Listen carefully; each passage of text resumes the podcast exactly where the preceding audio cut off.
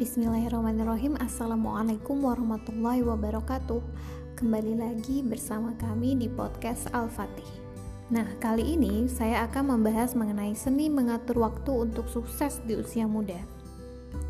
Sebelumnya, kalian tahu nggak dengan Bill Gates? Mungkin nama ini tidak asing di telinga kita. Microsoft adalah perusahaan yang dibangunnya dengan begitu luar biasa. Tetapi sisi lain yang tak kalah pentingnya Bill Gates adalah orang terkaya nomor satu di dunia. Walau pernah berada di posisi kedua, yang pastinya dia tetap contoh yang ultra kaya di planet bumi ini. Nah, apa kira-kira yang membedakan kita dengannya? Padahal, kita sama-sama diberi waktu 24 jam sehari semalam. Sama-sama bisa tidur dan beristirahat, sama-sama bisa menikah dan punya keluarga. Lantas mengapa perbedaan taraf hidup dan penghasilan begitu berbeda? Hal yang paling fundamental dan mencolok adalah waktu yang ia gunakan begitu bernilai mahal di mata dunia. Ini yang menarik untuk difikirkan. Artinya, kita semua punya kesempatan yang sama untuk menyamai atau melebihinya. Asal waktu yang kita gunakan sama pentingnya seperti kebiasaan-kebiasaan yang telah ia lakukan setiap hari. Ada beberapa kutipan penting dari Bapak Manajemen Dunia, yaitu Jim Rohn. Dalam kutipannya, ia berkata, kita tidak dibayar sesuai waktu kerja kita. Kita dibayar berdasarkan nilai yang kita berikan kepada waktu tersebut. Saya yakin, jika nilai diri kita begitu tinggi terhadap waktu yang digunakan, maka uang, kekayaan, dan pencapaian lainnya pasti mudah. Semudah Bill Gates mendapatkan uang hari ini. Ayo mulai sekarang tanya ke dalam diri sendiri, seberapa pentingkah kegiatan ini untuk saya, untuk masa depan saya, jika tidak penting, maka gantilah menjadi hal-hal penting, sehingga saya dan Anda kelak siap untuk menjadi rival atau lawannya Bill Gates dalam hal keuangan, bisnis, dan yang lainnya. Saya menempatkan Bill Gates sebagai tolak ukur agar kita semua berani bermimpi, berani menaikkan level pikiran kita. Karena hanya yang berani berimajinasi tinggilah yang akan sampai ke tempat di mana orang lain tidak akan bisa merasakannya. Lain halnya dengan kebiasaan dari dua CEO top ini. Bob Iger, seorang Chief Executive Officer Disney, dan Tim Cook, Chief Executive Officer of Apple. Bob Iger, seorang CEO Disney, memiliki kebiasaan penuh disiplin, yaitu bangun pukul 4 pagi setiap harinya. Kemudian, waktu itu ia manfaatkan untuk membalas email masuk, melihat berita di TV, membaca koran, dan mendengarkan musik-musik positif dan semangat. Perhatikan bedanya. Yang lain masih terlelap, sedangkan ia sudah melakukan beberapa hal yang belum kebanyakan dari kita lakukan. Tim Cook, CEO Apple, memiliki kebiasaan bangun pagi. Dari beberapa sumber yang saya ketahui, ia bangun pukul 4 dan langsung membalas email yang masuk. Kemudian pada pukul 5, dia sudah mulai berolahraga di tempat gym dan ia juga dikenal sebagai pimpinan yang datang lebih awal ke kantornya dan pulang lebih akhir. Sekali lagi, waktu hanya material.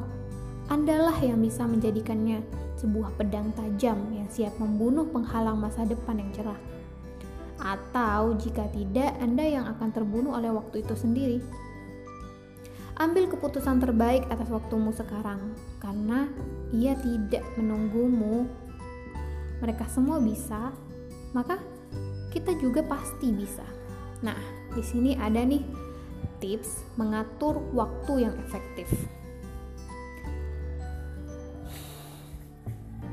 Mungkin sekarang sudah tiba ya saatnya kita langsung belajar apa langkah-langkah yang harus Anda lakukan agar waktu yang Anda dan kita punya semakin efektif dan mengantarkan kita pada pencapaian-pencapaian terbaik yang kita inginkan. Tetapi sebela, tetapi sebelum itu ubah dulu mindset Anda bahwa tidak ada sukses yang instan. Segalanya butuh proses, selangkah demi selangkah menuju perbaikan. Yang pertama yang perlu kita lakukan adalah membuat rencana kerja harian secara detail di waktu malam hari sebelum tidur. Segala yang teratur maka mudah untuk di, di, diukur Begitu juga dengan waktu dan kegiatan harian Anda. Semakin teratur, maka Anda dapat meningkatkan hari demi hari produktivitas Anda semakin baik lagi. Dalam hal ini, Anda harus memiliki sebuah agenda, agenda yang penuh dengan catatan-catatan harian. Saya teringat dengan salah satu teman saya yang punya agenda tetapi bersih tanpa catatan apa-apa. Padahal setiap hari dahulu ketika sekolah selalu dibawa. Ini membuktikan bahwa agenda saja tidak cukup. Anda harus benar-benar mengisinya hari demi hari. Ingat, sukses adalah perjalanan panjang yang dimulai dari langkah-langkah kecil setiap harinya. Nah, sekarang Anda jawab nih beberapa pertanyaan. Pertama, sudahkah Anda memiliki buku agenda? Jika belum, coba pikirkan lagi. Yang kedua, jika belum, kenapa Anda harus memilikinya? Anda harus tahu alasan mengapa Anda harus memiliki buku agenda. Yang ketiga, jika kalian sudah memiliki buku agenda, apakah Anda benar-benar menggunakannya? Atau Anda tidak menggunakannya sama sekali? Yang keempat, hal-hal apa saja yang Anda catat di dalamnya setiap hari? Apa hanya curhatan semata? Yang kelima, mengapa Anda harus memiliki agenda harian? Dan yang keenam, seberapa penting sih agenda bagi kesuksesan Anda di masa depan? Kalian harus mengetahui jawaban ini terlebih dahulu. Jawab pertanyaan-pertanyaan ini dengan tulus dan rasakan betapa pentingnya agenda untuk mendukung sukses Anda. Komitmen Anda untuk berubah dari hal-hal kecil seperti ini akan mengundang sukses besar Anda di masa depan. Nah, Tips yang kedua adalah buat skala prioritas. Berikan ranking atau urutan di setiap tindakan yang telah diatur di hari sebelumnya. Dari mulai yang terpenting sampai yang tingkat kepentingannya kurang, sehingga Anda mengerti aktivitas apa yang harus difokuskan terlebih dahulu. Mulailah menganalisa ulang hal-hal yang akan dilakukan besok, sehingga Anda mengerti prioritas yang akan Anda kerjakan atau yang akan Anda tunda. Tips yang ketiga adalah tegas menjalankan rencana harian Anda. Dalam menjalankan rencana-rencana harian, Anda akan disuguhkan oleh tawaran-tawaran yang terkadang sering membelokkan Anda dari tujuan semula. Di sinilah keteguhan Anda di, diuji. Apakah benar-benar memiliki komitmen atau hanya ingin saja? Mulai sekarang, Anda harus bisa mengatakan tidak untuk hal-hal yang di luar rencana positif Anda untuk hidup terbaik ini. Pada awalnya, kebiasaan ini akan terasa asing bagi Anda, tetapi ini adalah awal dari perubahan jangka, jangka panjang yang akan Anda raih. Yang keempat adalah tunda hal yang kurang penting. Memang menunda adalah hal yang saya larang bagi teman-teman yang ingin sukses di usia muda, tetapi menunda di sini adalah menunda hal yang kurang penting, tetapi tetap harus dilakukan. Metode menunda ini adalah lanjutan dari skala prioritas yang telah kita bahas sebelumnya. Yang penting tetap didahulukan. Di bawah itu, Anda boleh tunda sampai waktu yang tepat untuk sekara, untuk segera dieksekusi. Dan yang kelima, tips yang kelima adalah jadilah raja tuntas. Selesaikan segera semua pekerjaan atau jadwal yang telah ada secepat dan seefektif mungkin agar jadwal berikutnya bisa segera dilaksanakan. Dalam hal ini, seni mengatur fokus diperlukan. Anda harus bisa fokus ketika hal penting ada di depan mata untuk dieksekusi. Tuntaskan hari itu juga. Karena hari esok akan ada hal lain atau hal baru yang menanti Anda. Ini salah satu kebiasaan winners yang harus Anda miliki. Jika kebiasaan tuntas ini mengakar dalam diri Anda, teman dan tim Anda, maka pencapaian-pencapaian hebat akan silih berganti menghampiri Anda. Ingat, waktu tidak menunggu Anda, ia akan terus bergerak sesuai kewajibannya. Anda yang harus benar-benar mengelolanya sehingga menjadi catatan prestasi harian, bulanan, dan tahunan. Pada awalnya, menetapkan kebiasaan buruk dari suka menunda sesuatu menjadi raja tuntas memang tidak gampang. Butuh pengulangan berkali-kali sehingga menjadi kebiasaan yang akan membentuk pribadi berkualitas di diri Anda. Tetapi, sekali kebiasaan ini mengakar dalam diri Anda, ini akan sangat membantu meluasnya pengaruh keberhasilan Anda ke orang terdekat maupun masyarakat luas. Nah, tips keenam yakni delegasikanlah tugasmu kepada ahlinya. Mendelegasikan sebuah tugas atau keputusan memang tidaklah mudah, apalagi mengingat seringnya orang terdekat atau yang terdi atau yang diberi amanah malah menyelewengkan amanah yang kita berikan. Dulu saya juga merasakannya. Apa-apa harus saya yang melakukannya sendiri. Jika diberi wewenang, takut tim berkhianat atau membocorkan strategi-strategi perusahaan. Tetapi setelah banyak pengalaman, saya dan teman-teman yang telah sukses sukses ada kesimpulan yang saya ambil.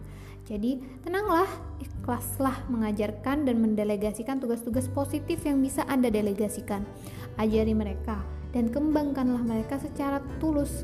Ini adalah pahala bagi kita. Toh, jika Anda dihianati, maka Tuhan juga tidak tidur untuk menghitungnya. Sembari terus bertumbuh, menjadi lebih baik, sikap senang mendelegasikan dan mengajarkan sesuatu untuk tim atau orang lain yang ahli yang ahli di bidang tersebut tidak akan mengurangi jatah rezeki dan ilmu yang berkah untukmu.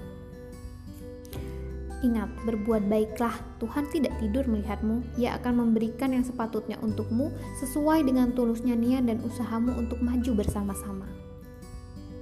Selanjutnya, tips yang ketujuh adalah aturlah gadgetmu.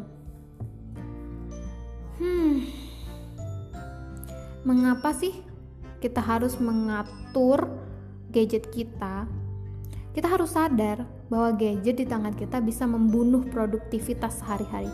Bayangkan saja, jika dalam satu hari Anda melihat sosmed dalam dalam gadget 3 jam, maka berapa jam waktu yang terbuang hanya untuk cek status, stalking mantan, dan seterusnya? Saya rasa ini penting sekali ditegaskan bahwa gadget alat bantu untuk mencari informasi, belajar, dan bertransaksi bisnis, bukan euforia dalam kebahagiaan semu yang lama-lama akan membunuh Anda. Bahkan ada pesan di internet yang menarik sekali, berbunyi handphone atau gadget mendekatkan yang jauh dan menjauhkan yang dekat. Ini menurut saya benar sekali. Semakin aktif Anda di sosial media, maka berkuranglah interaksi Anda dengan orang atau lingkungan secara langsung. Jika ini terus-menerus dilakukan, maka Anda akan semakin lemah dalam mental dan interaksi sosial. Bayangkan saja, menurut data dari Global Web Index tahun 2015, masyarakat yang paling banyak aktif di dunia maya adalah negara-negara Asia Tenggara, yaitu 5 jam per hari. Jepang dan Hong Kong 3,5 jam per harinya. Dan masyarakat Indonesia sendiri rata-rata menghabiskan waktu 2-3 jam pada sosial media. Facebook, Twitter, YouTube, Pet, Instagram, dan lain-lain. Itu data tahun 2015 loh ya. Dalam hal ini, Korea Selatan hanya menghabiskan waktu satu jam setiap harinya dengan metode telepon pintarnya. Dan akhirnya Jepang yang hanya menghabiskan 20 menit dalam seharinya di media sosial. Jika diteliti secara fokus dan detail, sebenarnya jika waktu 3 jam habis untuk media sosial, maka Anda membuang waktu 21 jam seminggu, 84 jam dalam sebulan, dan 1008 jam dalam setahun. Dan itu terbuang sia-sia tanpa produktivitas sama sekali. Dan tips yang kedelapan ini adalah tips terakhir, yakni dorong terus dirimu untuk mengalahkan pesaingmu. Bagi saya kompetisi yang sehat sangat penting karena dengan adanya kompetisi, kompetisi dalam hidup semakin membuat kita fokus dan bertumbuh. Tetapi kali ini kita akan fokus ke pesaing terberat kita, yaitu diri kita sendiri. Karena menurut kata bijak, tugas Anda bukan lebih baik dari dia dan mereka, tetapi menjadi lebih baik dari diri Anda sendiri ada sebagian dari kita yang mungkin senang dengan tantangan, senang dengan kompetisi, kompetisi atau persaingan. Hal ini boleh saja dijadikan stimul, stimulan bagi berkembangnya diri kita untuk terus menjadi pribadi yang disiplin. Tetapi alangkah baiknya jika persaingan itu dimulai dari diri sendiri dahulu. Saya sendiri memiliki target di beberapa bidang kehidupan, dari mulai keuangan, keluarga, bisnis, relationship, dan lainnya untuk memiliki pertumbuhan minimal 10 kali lipat dalam lima tahun. Bagaimana dengan Anda? Sudahkah Anda menetapkan diri Anda yang lalu sebagai saingan terbesar? Jika belum, maka mulailah. Kemudian perhatikan apa yang akan terjadi. Apa yang akan terjadi? Sekian dari saya.